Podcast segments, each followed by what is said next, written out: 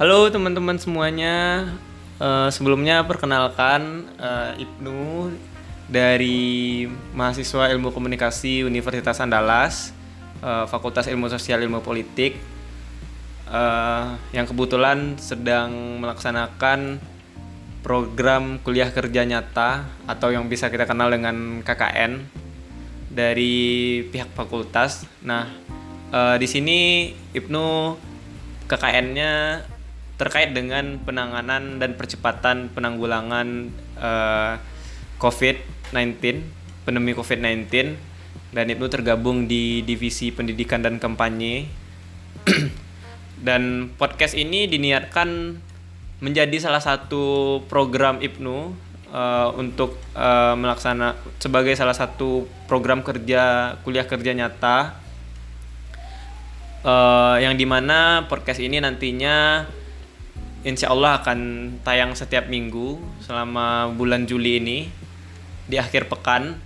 Nah jadi podcast ini bertujuan eh, sebenarnya podcast ini menyasar anak-anak muda di Kota Padang yang masih tetap bertahan, yang masih tetap produktif di tengah-tengah pandemi COVID-19, eh, yang masih yang masih bisa lah melihat sisi positif, yang masih terus berkarya, eh, entah itu mahasiswa atau mahasiswa sedang bekerja dan sebagaimana dan seperti ya seperti itulah. Jadi bagaimana kita sebagai anak muda juga bisa menginspirasi eh, anak muda lainnya, masyarakat luas untuk bisa terus bertahan dan melawan COVID-19 ini. Kita tahu dampaknya sangat banyak, baik itu dampak kesehatan, dampak ekonomi, eh, mata pencaharian, banyak buruh harian, banyak driver-driver ojek online yang terkena dampak dari pandemi ini.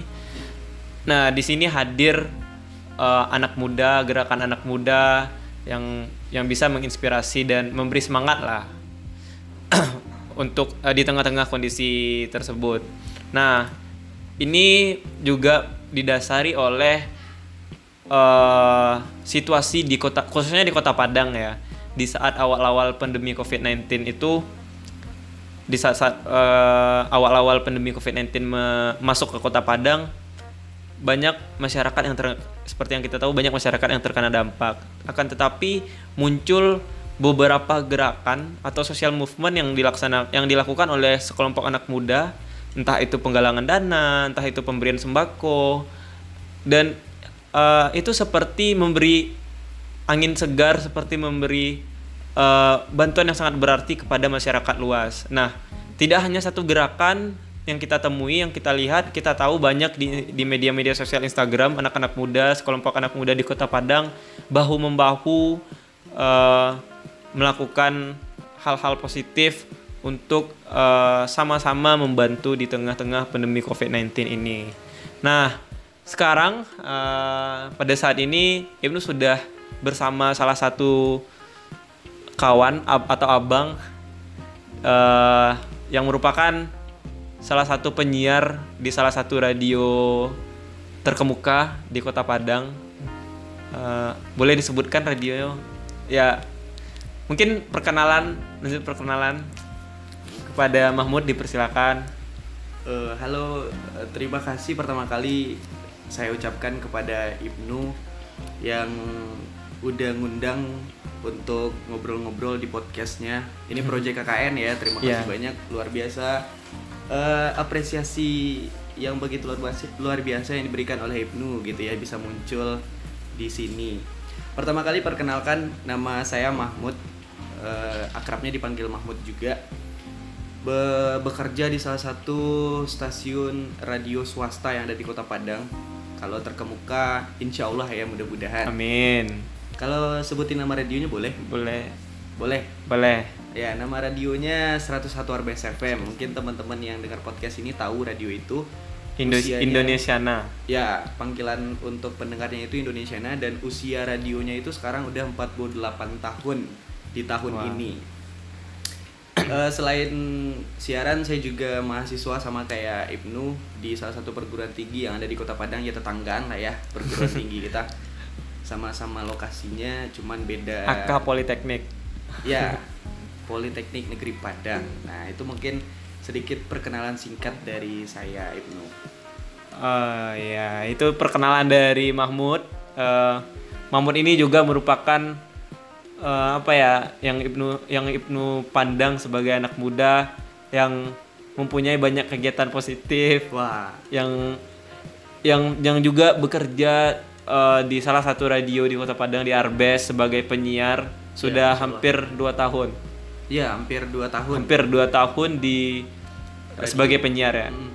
Dan Mahmud dan Mahmud ini juga merupakan mantan sama sama uh, mantan apa ya mantan Kita duta banyak, mantan ya. duta mantan duta anak ya di Kota Padang ya Mahmud Amin ini. Ya, amin. Ya banyak sih yang sudah kita lakukan berdua ya di masa-masa lalu gitu. Hal-hal positif yang kita lakukan bersama salah satunya tadi bergerak apa namanya eh, memajukan aspirasi-aspirasi anak Hmm, ya. dulunya. gitu. Dulunya. Nah, Kalau sekarang enggak. sekarang sudah beranjak dewasa, Ya. merasakan eh, kehidupan kampus dan juga bagaimana kita terus produktif di tengah-tengah kesulitan yang ada. Nah, mungkin eh, langsung aja eh, Mahmud ya. Eh, Mahmud sebagai anak muda di Kota Padang yang juga bekerja sebagai penyiar radio di Kota Padang. Iya. Mungkin Mahmud banyak eh, merasakan perubahan-perubahan yang terjadi eh, di sehari-hari. Mungkin dari keseharian Mahmud mungkin dengan atau orang-orang sekitar Mahmud ada nggak sih perubahan dari sebelum COVID-19 dan sekarang sampai sampai dengan saat sekarang ini eh dampaknya begitu besar nggak sih bagi Mahmud eh, pribadi gitu? Ya banyak lah ya perubahan yang terjadi ketika wabah ini menerjang kita semua ya. Bukan hanya saya sendiri tapi orang lain juga pasti merasakan dampak yang begitu besar.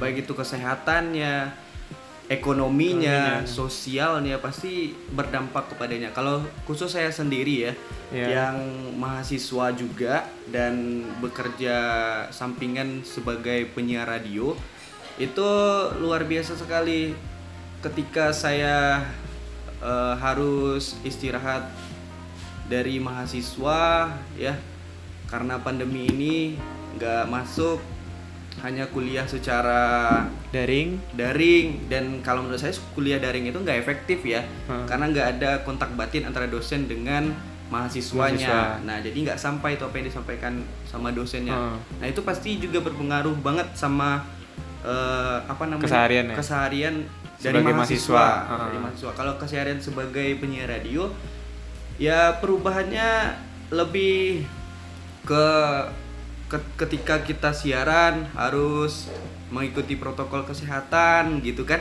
Ya dari pergi ke rumah dari rumah ke radio harus jaga kesehatan juga. Nah sampai di sta- di stasiun radio harus dicek suhu harus eh, cuci tangan dulu Iya. semuanya. Yang sebelum sebelumnya kita pasti tidak melakukan itu ya. Iya. tidak melakukan hal itu Mm-mm. dan tiba-tiba wabah ini datang kita harus melakukan itu.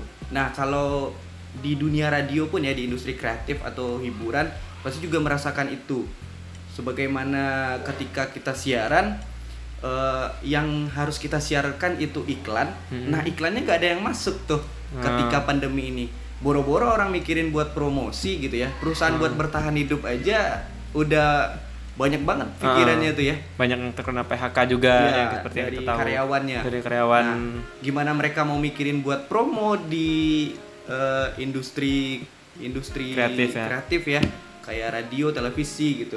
Nah itu juga berdampak tuh dari ekonominya penyiar tuh. Heeh. Banyak eh, banyak penyiar yang eh, apa ya sebut aja deh frontal gajinya dikeluarin setengah bahkan Oh. nggak dikeluarin tuh untuk dua bulan ini gitu Oh, karena gitu. pandemi ini karena radio juga berpikiran kan untuk bisa bertahan dulu aja deh gitu. susah gitu ya ya Hmm. jangankan untuk membayar karyawan-karyawannya Iya. penyiarnya untuk bertahan berdiri aja udah syukur banget dan alhamdulillah Radio Mamut juga bisa mempertahankannya sampai sekarang dan yang penyiarnya masih Iya. cukup lah nggak ada yang dikurangin staffnya juga nggak ada yang dikurangin jadi bagaimana kita bisa survive di tengah-tengah pandemi Nah, betul. COVID-19 ini bagaimana Nah, survive mungkin selanjutnya gini kan Mahmud nih sebagai anak-anak muda ya sebagai uh, anak muda di kota salah satu anak muda di kota Padang dan yang kita tahu banyak nih yang seusia kita uh, yang seusia Mahmud ini Iya. di kota Padang melakukan waktu itu kita tahu penggalangan dana, Hmm. pembagian sembako kepada uh, buru-buru harian banyak melalui media sosial Instagram. Sebenarnya dari dari pandangan Mahmud uh, sebagai salah satu anak muda di Kota Padang, bagaimana sih uh, social movement itu bisa terjadi? Maksudnya tuh apakah Mahmud uh, merasa itu tuh perlu dilakukan atau tidak? Apakah itu benar bisa uh, menimbulkan apa ya? Menimbulkan niat bagi anak muda lainnya untuk melakukan hal yang sama atau bagaimana gitu? Ya sebenarnya social movement itu bagus ya dilakukan apalagi di tengah masa pandemi masa yang berat ini. Dan Mahmud melihat eh, apa ya kejadian sekarang di mana seluruh anak muda itu bahu membaru membahu membahu seperti kata Ibnu tadi bergerak untuk melakukan penggalangan dana lah apalah memberikan sembako atau eh, memberikan edukasi kepada seluruh eh, buruh-buruh yang mungkin tidak sampai kepada mereka gitu ya eh, edukasinya tentang bahaya ini wabah. Dan melihat eh, kejadian ini respect banget buat seluruh eh, anak muda bagus sih sebenarnya dan Mahmud juga pernah dulu berpikiran melakukan social movement ini gitu Heeh. tapi karena eh, kendala kurangnya SDM jadi nggak terjadi social movement ini. ah. Nah, apalagi proyek KKN sekarang luar biasa banget ya. Mahmud kan Ah. di kampusnya tidak ada proyek KKN, KKN ya. makanya tidak merasakan itu dan social movement ini bagus sebenarnya, bagus dan penting banget.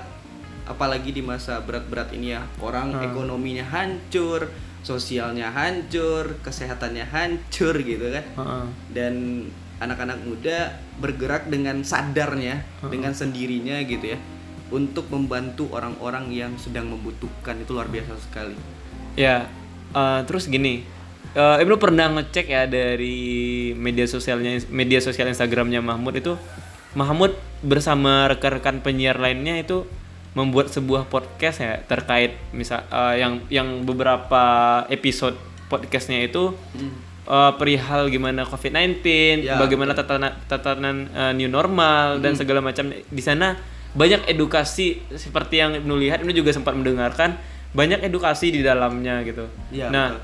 nah itu bagaimana sih bisa eh, beralih ke podcast untuk menyiarkan dan dan bagaimana eh, alurnya bisa bisa membicarakan tentang itu gitu. Bisa melihat peluang di sana ini. Oh, ini bisa nih eh, sebagai bentuk eh, apa ya himbauan juga kepada masyarakat dengan gaya anak muda menyampaikan betul. dengan media podcast juga yang sedang banyak digunakan dan banyak eh, apa ya ya banyak dibuka bu- di di create lah oleh eh, public figure sekarang. Hmm. Nah gimana Mahmud? ya eh, kita sebagai penyiar radio kemarin ya punya project sudut siar podcast namanya podcast kita Jangan lupa Dan- didengarkan. Ya, jangan lupa didengarkan buat teman-teman yang dengar podcast ini.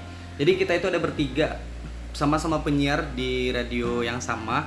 Nah, kita melihat bahwa eh, sekarang kan radio lagi eh, bisa dibilang turun-turunnya karena pandemi ini Iya. juga. Hampir semua lah ya. Ya, hampir semua radio juga eh, merasakan hal yang sama. Nah, kita berpikir eh, gimana kalau kita juga beralih ke platform digital gitu ya, Uh-uh. yang pastinya bisa didengar tanpa harus eh, masuk ke frekuensi di mana kota mereka itu berada gitu. Kalau Oh. kalau Arbes itu kan ada Di frekuensinya cuman di, di Padang, Padang. dan sekitarnya, Sekitarnya. doang, tidak begitu jauh. Oh, gitu. Bisa bisa didengarkan melalui live streaming. Cuman Memakan kan- kuota internet ya, ya? makan Oh. kuota. Kalau di podcast ini kan bisa di-download, bisa didengar juga pakai kuota. Nah, banyak platform yang bisa banyak di- platform juga yang menyediakan ini gitu. Nah, kita bikin supaya eh, ada kegiatan satu ya, Hmm. ada kegiatan di sela-sela siaran yang eh, kurang jadwalnya dan kita juga bisa eh, mengedukasi, memberikan informasi lah gitu ya. Hmm. Awalnya bukan memberikan informasi tapi memberikan hiburan dulu deh untuk eh, Masyarakat orang-orang ya, yang dengar hmm. podcast ini yang lagi hancur-hancurnya di masa pandemi ini eh, setelah memberikan hiburan kita juga menyelipkan sedikit edukasi di mana eh, bahaya dari eh, COVID-19 ini. Heeh. Kalau di kita hitung-hitung kalau persentase kematiannya emang kecil ya, Iya. nggak bahaya, nggak kalah sama eh, virus-virus lain Ya, gitu ya. Tapi menurut datanya ya. menurut datanya, tapi kalau kita lihat kenapa virus ini berbahaya, kita juga bahas di podcast ya. Kenapa virus ini berbahaya? Karena eh, penyebarannya itu begitu gampang nih. Iya, begitu mudah disebar- Begitu mudah penyebarannya. sekali. Nah, kita pengen edukasi itu kepada kan yang dengar podcast ini ya, podcast YouTube gitu yang Ah. dengarnya kebanyakan anak muda lah ya. Iya. Dan kita lihat di data aplikasi kita itu range umur yang denger eh, podcast kita itu dari 18 sampai 24. Berarti kan Oh. masih kategori anak muda. Iya. Nah, bisa- lah. Ya, nah, ketika mereka dengar podcast ini, ketika kita eh, memberikan hiburan dan menyelipkan sedikit edukasi, mereka bisa juga, oh, ternyata bahaya ya. Kita kemas secara eh, secara simple gitu, secara bisa dimu- mudah dipahami sama anak muda gitu.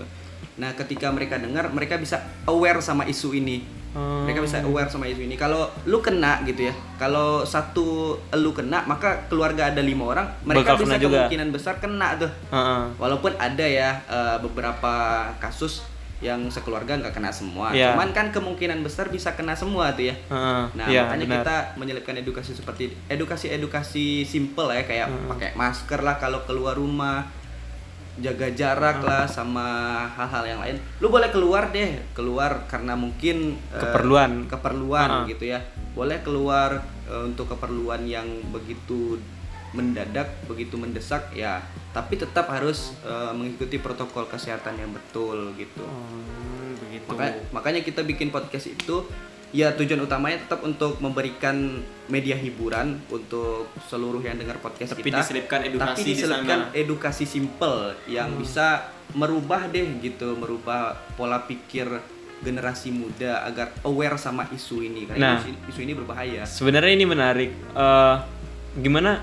Ini penasaran sih sebenarnya. Mahmud terpik eh, apa ya terpikirkan untuk membuat konten seperti memakai masker, Hmm. menjelaskan itu new normal gimana. Ya. Terus te- ada tentang kesehatan beberapa kan Ibnu melihat kan. Itu tuh berdasarkan kondisi di Kota Padang sendiri atau gimana gitu. Misalnya kayak gini. eh, Mahmud melihat kenapa ya orang Padang masih aja keluar eh, nggak pak eh, dengan santainya nggak pakai masker, tidak eh, physical distancing. Iya. Nah, itu tuh berdasarkan dampak yang eh berdasarkan kondisi yang ada atau eh, karena apa? Karena emang lagi pandemi gitu. Iya, eh, sebenarnya karena keresahan kita sih, keresahan Keresahan, kita ya. melihat s- kondisi Kota Padang yang kita bisa lihat grafik eh, penaikan Begitu yang tinggi ya. Terkonfirmasi kasus ini itu kan naiknya begitu tinggi. Iya. Nah, kita lihat masyarakat yang yang kita lihat di jalanan Ah. lah atau di mana ya, itu gak ada pedulinya terhadap hal ini. Mereka masih menganggap enteng isu ini gitu. Mungkin mereka banyak ya teori-teori konspirasi yang Iya, di dalamnya, iya. gitu karena covid ini. Heeh. Tapi ya mau nggak mau kita harus tetap eh, peduli dengan hal ini. Nah, karena kita melihat banyaknya orang yang belum peduli, kita coba eh, selain di radio kita mengedukasi Heeh. orang gitu ya. Kita juga di podcast ini mencoba untuk menyelipkan edukasi sedikit seperti yang mau bilang tadi. Karena keresahan melihat seluruh masyarakat Kota Padang yang belum bukan belum peduli ya. Ada beberapa oknum yang tidak peduli lah. Ya. Bukan semua masyarakat Kota Ya, Padang, bukan tapi semua ada ya. beberapa Ada oknum beberapa. yang tidak peduli sama sekali dengan bahayanya COVID-19 virus ini, Iya. virus ini. Nah, iya, berbicara radio tadi. Eh berbicara radio di siaran radio yang ma- yang masih berlangsung, itu ada nggak sih Kak? seperti misalnya himbauan menggunakan masker, physical distancing atau sekarang kan lagi new normal, bagaimana Iya. new normal itu? Ada nggak sih eh, penjelasan di radio tuh? Gitu. Oh, kalau di khusus di radio kita ada se- satu segmen di di setiap hari itu menjelaskan tentang new normal, menjelaskan tentang protokol kesehatan Uh-uh. eh, di projectnya radio kita ada. Berarti ada satu Ada segmen, yang segmen di mana setiap hari itu harus ada membicarakan tentang new normal, membicarakan tentang protokol kesehatan yang harus dilakukan di kondisi new normal, pasti ada. itu Dan- segmennya udah udah udah berlangsung. Udah berlangsung. Udah berlangsung. eh, setelah eh, new normal ini jalan udah berlangsung dan itu dilaksanakan setiap hari satu segmen sekitar eh, 15 menit 15 menit. di satu acara. di satu acara Di satu 15 acara. menit di satu acara di setiap harinya Oke, Ada. mungkin teman-teman bisa langsung melipir Ya, ke dengar di 101 101 RBS FM. dan banyak juga dari pemerintah ya kayak eh, PMI gitu ya yang Oh, berarti P-. PMI datang ke radio untuk Ya. eh, Memberikan edukasi memberikan edukasi. Uh, atau dari pokoknya Ah. instansi-instansi terkait lah tentang ini dari kesehatan dari dari BPBD juga ada melakukan Ah. Begitu. edukasi itu talk show secara talk show di radio kita terkait dengan protokol kesehatan. Berarti bisa kita simpulkan eh Ibnu baru tahu juga dari Mahmud eh, soalnya Ibnu ya juga menjadi salah satu orang yang jarang dengar radio. Iya, betul. Ibnu juga baru tahu dari Mahmud kalau ada PMI dari instansi pemerintahan yang datang ke radio untuk Ada. menyiarkan tersebut. Untuk menyiarkan Berarti bisa kita simpulkan sebenarnya pemerintah sudah bergerak dengan segala cara untuk Sudah. menyiarkan edukasi, untuk menyampaikan eh, apa yang boleh dan tidak boleh dilakukan, apa informasi terkait virus ini bagaimana gitu. Tapi ya begitu masih banyak yang kita temukan masyarakat yang Iya. dengan santainya tidak eh, menggunakan masker, Iya. tidak physical distancing dan sebagainya macamnya. Menarik sih sebenarnya.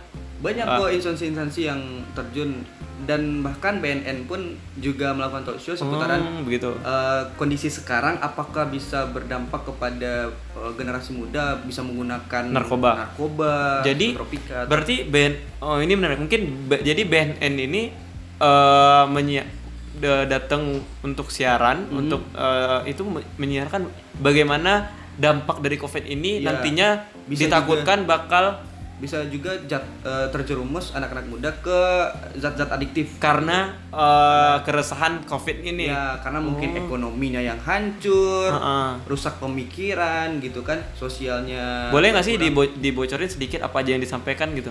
banyak sih eh, kadang eh, kemarin itu mereka sempat me- me- membicarakan bahwa eh, kasus pengguna narkoba itu juga bertambah di masa pandemi Covid-19 ini. Oh begitu. Nah, makanya mereka eh, melihat kondisi itu, mereka juga datang ke radio-radio, ke televisi untuk em, menghimbau lagi kepada masyarakat bukan ini jalan terbaik gitu untuk Ah. keluar gitu. Masih banyak hal-hal positif yang bisa dilakukan. Apalagi kita generasi muda ya, Iya. masih kuat-kuatnya banyak banget hal positif yang bisa dilakukan di masa-masa terberat ini. Ah. Nah, makanya mereka eh, menginformasikan bukan hanya anak-anak muda saja tapi Masyarakat luas lah ya. Iya masyarakat artis pun banyak yang terjerumus kan sekarang Iya, ke iya, iya, narkoba, benar-benar sih. ke ke ganja lah. Uh-uh. Mereka karena, Karena mungkin kesulitan ekonomi, kesulitan ekonomi, tidak dapat job gitu ya, kan. tidak tidak ada job, mereka pusing memikirkan hal-hal Uh. apalah gitu sehingga mereka jatuh ke eh, zona ini. gitu. Jadi eh, seperti yang disampaikan oleh eh, Mahmud tadi, Hmm. masih banyak hal-hal positif yang seharusnya bisa kita lakukan. banyak banget, banyak banget hal positif Iya. yang bisa teman-teman lakukan di masa-masa terberat ini. Banyak Uh-uh. banget. Ya seperti mungkin seperti contohnya podcast yang dibuat Iya. oleh Mahmud tadi dengan rekan-rekan penyiar dan Iya. kita tahu juga mungkin teman-teman pernah mendengar namanya virtual photoshoot. Nah, itu juga terkenal setelah apa ya setelah pandemi ini eh, datang. Jadi virtual photoshoot itu saat kita di rumah kita video call dengan eh, orang lain, Mm-mm. lalu kita memotret orang tersebut. Orang Benar. tersebut kita jadikan model, tapi melalui video call gitu, melalui laptop, perangkat Ya. laptop. Nah, itu kan salah satu kegiatan ya yang bisa kita lakukan di saat pandemi ini. Jadi, Dan pastinya menghasilkan gitu. iya ya. menghasil- masih tetap produktif masih gitu. tidak masih tetap produktif. Nah, selanjutnya gini, bagaimana sih pendapat eh, Mahmud setelah eh, semoga ya segera pandemi COVID-19 ini telah berakhir? Eh, bagaimana eh, apakah anak muda anak muda yang sekarang ma- yang sudah ada yang sudah peduli walaupun beberapa ada juga yang masih eh, menghiraukan protokol kesehatan ya. Iya. Bagaimana eh, apakah mesti terus seperti ini, harus tetap seperti ini atau pada saat COVID-19 aja gitu? Ya harusnya generasi muda ya harus tetap peduli walaupun gak ada COVID-19 ini. gitu. Iya. Kan kita banyak ya perubahan yang terjadi dalam Uh-uh. hidup kita. Salah Uh-uh. satu contohnya kita lebih sehat lagi nih sekarang karena pandemi Uh-uh. ini. Itu hikmah terbaiknya ya. Kita lebih sering cuci tangan, kita menggunakan masker ke mana-mana. Bukan sebenarnya itu bukan hanya eh, menghi- menghindari COVID-19 aja kan? Iya, Meng- benar. menghindari banyaknya virus juga Banyaknya. bisa seperti itu. Karena virus itu sebenarnya nggak COVID-19 aja Nggak kan. COVID-19 Iya. aja banyak banget virus-virus yang lebih berbahaya daripada COVID-19 gitu. Tapi nah, karena penularannya itu tadi karena penularannya yang dikategorikan berbahaya Uh-uh. gitu. Nah, jadi kalau anak muda ya janganlah ketika COVID-19 ini gitu loh untuk peduli terhadap kesehatan aja deh gitu ya. Hmm. Harus lebih peduli lagi terhadap kesehatan setelah COVID-19 ini dan peduli lagi terhadap sosialnya lah. Sebagaimana kalau ketika COVID-19 banyak melakukan eh, apa namanya hal-hal baik gitu seperti membagikan sembako kepada orang-orang yang membutuhkan. Nah, kalau dapat setelah Covid ini walaupun pekerjaan orang semua ada kan tapi eh, beberapa orang kan ada yang tidak beruntung ya benar. dalam hidupnya. Makanya Ah. kita sebagai manusia Sesama sejatinya manusia, gitu ya se- membantu saudara-saudara kita yang Heeh. mengalami kekurangan. Nah, setelah pandemi ini kalau dapat masih ada deh jalan seperti itu gitu. semoga pandemi ini segera berakhir. Dan Amin. pastinya semoga pandemi 19 ini Ah. bisa Nah. berakhir secepatnya. Selanjutnya ini terkait radio ya, terkait radio, terkait radio itu kan kalau Ibnu ya sebagai anak komunikasi eh belajarnya radio itu juga sebagai salah satu media komunikasi, media penyampaian alat penyampaian eh, komunikasi. Nah, eh bagi Mahmud sendiri sebagai penyiar yang sudah bergelut di dunia radio, siaran radio kurang lebih hampir 2 tahun. Iya. Menurut Mahmud di tengah kondisi seperti ini, di tengah pandemi ini eh, yang kita tahu mana banyak dampak yang dirasakan bahkan eh, setelah ini ada sebutan yang namanya era baru, new normal gitu, kenormalan baru. Nah, menurut Mahmud pentingnya media penyampaian radio, entah itu radio, televisi, iklan atau apa ya. Bagaimana sih sebenarnya bagaimana sih gitu dalam menginspirasi anak muda entah bagaimana dalam menyampaikan informasi bagaimana penting seberapa penting gitu media penyampaian itu ini. Eh, kalau menurut Mahmud media itu penting banget ya untuk menyampaikan informasi dalam bentuk apa pun lah Iya. baik itu radio, Uh-uh. televisi, Uh-uh. eh, sosial media kan sekarang Iya. juga media juga kan Uh-uh. media informasi juga Iya. sama. Nah eh, jadi kita sebagai yang bergerak di lingkungan itu ya di circle itu harusnya bisa menginformasikan secara jelas, secara baik ya, secara benar sampaikan apa yang benar-benar betul gitu lah Heeh. kepada orang yang eh, penikmat eh, penikmat Pendengar radio. berada gitu Hmm. penikmat radio penikmat televisi gitu jadi harus menyampaikan yang betul jangan sampai menyampaikan yang salah dan sosok kita itu ya mau nggak mau di tengah seperti ini selain memberikan informasi juga harus memberikan hiburan lah ya Ha-ha. di masa-masa terberat ini. Nah, kalau eh, rad- Radio Mamut ya salah satunya eh, project sekarang itu di Radio Mamut menambah setiap segmen di mana segmen itu buat lucu-lucuan aja. Ha-ha. Buat lucu-lucuan aja tapi tetap ada informasinya ya. Heeh. Nah, Radio Mamut sekarang lagi menerapkan itu tuh. Selain segmen-segmen eh, berat lah, segmen-segmen penting gitu ya. Tapi sekarang ditambah segmen-segmen buat lucu-lucuan, biar orang bisa gabung buat cerita-cerita, menyampaikan keluh kesahnya gitu ya. Hmm, begitu. Lucu-lucuan dan memberikan eh, apa yang mereka mereka mau lah ya di masa sekarang itu. Selain mereka mendapatkan informasi, mereka juga mendapatkan hiburan di kondisi sekarang. Berarti eh, itu juga merupakan peran dari industri radio tersebut ya. Perannya seperti itu. Salah satu eh, ya peran dari industri radio televisi yang salah satunya yang khususnya Mahmud yang bergerak di radio eh, begitu ya perannya sepertinya. Eh, mungkin terakhir ya bagi Mahmud ada nggak sih pesan-pesan untuk kita sesama anak muda eh, seperti yang kita tahu saat ini di Pad- di Kota Padang sudah banyak pusat-pusat perkumpulan seperti kafe, seperti eh, tempat tongkrongan-tongkrongan dan sekarang banyak orang yang berolahraga sepeda gitu Iya. yang keluar dan dan banyak juga yang tidak menggunakan masker. Nah, bagaimana eh, ada nggak sih pesan-pesan Mahmud terhadap eh, masyarakat luas, khususnya anak muda sebagai pelopor, sebagai eh, penggerak yang semangatnya masih masih banyak, yang masih bisa terus berkarya, yang masih banyak inovasi-inovasi yang seharusnya bisa diaspirasikan oleh anak muda. Ada nggak sih pesan-pesan Mahmud, entah itu tetap menggunakan masker atau bagaimana gitu? Iya pastinya pesannya buat seluruh anak muda sekarang ya kan udah boleh lah di hari ini gitu melakukan kegiatan-kegiatan seperti biasanya tapi tetap mengikuti protokol kesehatan.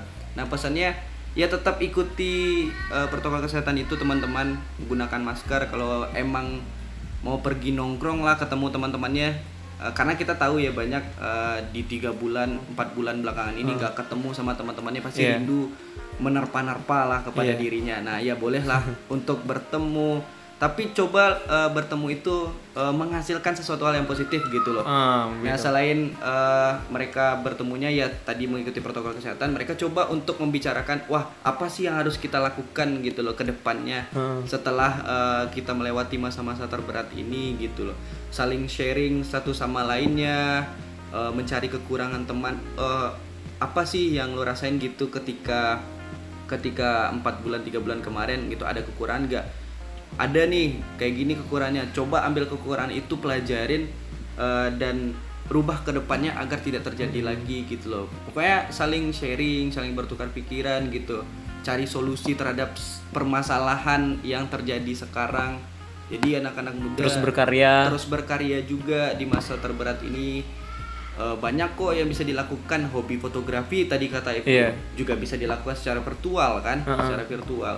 Dan pastinya juga bisa menghasilkan deh. Iya. ya pokoknya terus berkarya ke depannya teman-teman yang dengar podcast ini gitu. Dan selalu eh, berikan hal-hal contoh-contoh baik lah untuk orang-orang yang melihat teman-teman sendiri.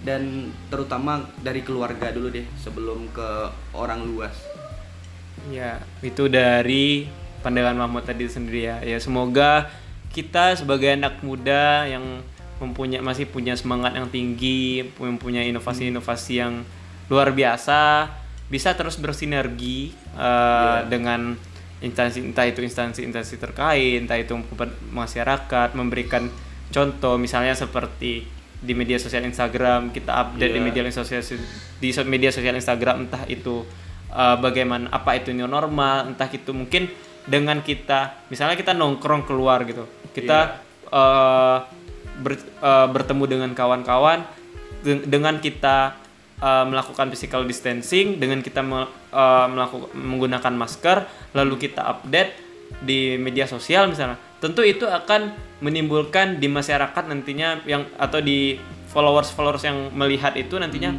wah ternyata anak-anak muda uh, menerapkan nih Menerapkan. uh, menerapkan protokol kesehatan nih lalu kenapa kita tidak gitu hal-hal tersebut menurut ibnu pribadi juga dapat uh, meng, apa ya menyulut gitu menyulut masyarakat luas untuk terus tetap uh, melaksanakan protokol kesehatan, di kesehatan tengah, di tengah uh, ini. new normal ini di tengah kondisi saat ini dan Mahmud juga apresiasi sih buat seluruh kampus-kampus sekarang gitu yang melakukan KKN ya, Ya. di lingkungan tempat tinggal. Tempat tinggal. Nah, itu bagus sih sebenarnya.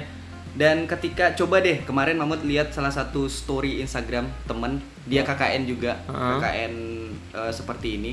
Nah, dia ketika briefing, ketika Heeh. briefing update di Instastory, mereka tidak melakukan apa yang harusnya mereka edukasikan gitu loh. Mereka briefing eh, duduknya deket-deketan gitu ya, tidak menggunakan Ah. masker. Nah, coba teman-teman sendiri dulu deh yang diedukasi gitu baru Oh, orang lain ya, gitu loh. ya, ya, ya. Kita mencontohkan yang baik kan Mencontohkan yang baik, orang nah. lain gitu. itu semua eh, pesan-pesan dari Mahmud dan semangat terus untuk teman-teman yang ada di luar sana untuk teman-teman eh, seperjuangan yang sedang yang masih yang sedang eh, yang masih sedang melaksanakan kuliah kerja nyata Betul. entah itu yang terjun langsung ke masyarakat entah itu Secara online juga secara kan? online entah itu sedang menyebarkan edukasi-edukasi terkait COVID-19 Eh, terus semangat terus berkarya semoga kita semua bisa bersinergi eh, Karena menurut Mahmud ini sosok teman-teman yang lagi KKN ini sosok yang luar biasa banget. nih. ya Semoga kita bisa terus bersinergi dengan uh, pemerintah, dengan kampus, dan juga kita bisa mengabdi kepada masyarakat dengan baik. Kita bisa mencontohkan uh, bagaimana menjalankan proto- protokol kesehatan yang baik gitu. Dan mungkin uh, sekian dulu Mahmud. Iya, terima kasih banyak udah diajak main-main ke sini. Iya, sama-sama. Semoga nantinya ini juga bisa bermanfaat bagi teman-teman semua. Amin, amin. Untuk tetap terus uh, optimis, untuk tetap terus berkarya di tengah uh, kesulitan pandemi COVID-19. Uh, ya mungkin itu saja yang bisa kita sampaikan uh, pada saat ini. Semoga teman-teman sehat selalu di mana pun berada. Ya, jangan lupa jaga kesehatan. Jangan lupa jaga kesehatan, Kebersihan. tetap tetap bersih, stay clean dan jika tidak perlu keluar rumah silakan di rumah saja dan jika jika uh, memerlukan keluar rumah tetap pakai masker, cuci tangan, physical distancing dan uh, sebagai macamnya. Konsumsi makanan yang banyak-banyak Yang bergizi, nih, yang gitu. banyak protein, vitamin ya. pastinya. Oke, siap. Oke, mungkin itu aja. Eh, kami Mahmud, saya ya Mahmud, Ibnu juga undur diri dulu. Kita kita mungkin akan bertemu di podcast selanjutnya dengan tema yang berbeda. Oke, terima kasih. Assalamualaikum warahmatullahi wabarakatuh.